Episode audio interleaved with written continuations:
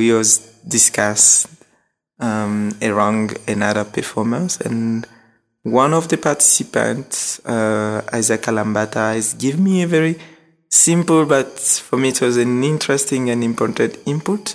Ask me why is it you, Stefan, who decide on what we will discuss during the performance discussion? I was like, okay, uh, it's really interesting. And that question has put, pushed myself to think about what my position as a curator uh, on this project. Um, reflecting on that question, I've told him directly that, okay, please, can you give us one words, one art practices on what we can discuss? What is a very interesting, uh, reflect. And we, I've tried, I've started to rethink my position on the project and I've realized that no, this is not my project. It's not my own project, but maybe a dispositive because people can take this project as their own project. They can host this project. Cities can host this project and take it uh, and try to reflect on art, on different practi- art practices in their own context and give like a kind of cartography a, to, for that city in that particular moment. Uh, on there is also, that idea of uh, subjectivity, uh, how to shift from one language to another in different cities, and that idea also of um, how uh, knowledge are related to the locality.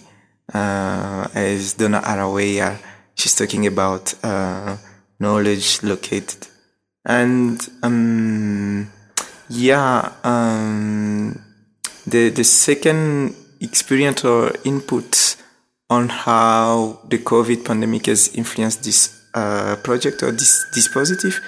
It's during the um, yeah the 2021 year from March to uh, July. I was part of uh, one residency, online residency. I was trying to reflect on how people can reflect on different art practices in different cities, different languages in the same moment, but regarding the um, different time because of the around the world.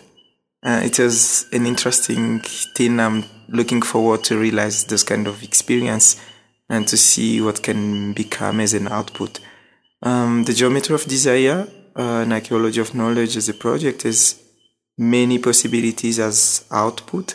There's that possibility of producing alphabet book on art practices in different cities.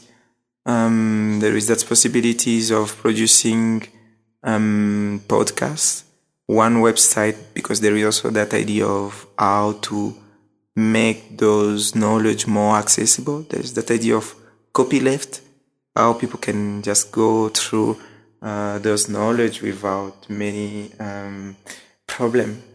Yeah, and I'm looking forward to. I'm very open to collaboration um, um, to different organization or people who will be interested to this project and to see um, how uh, to organize one performance discussion in Bergen or in Oslo in coming months.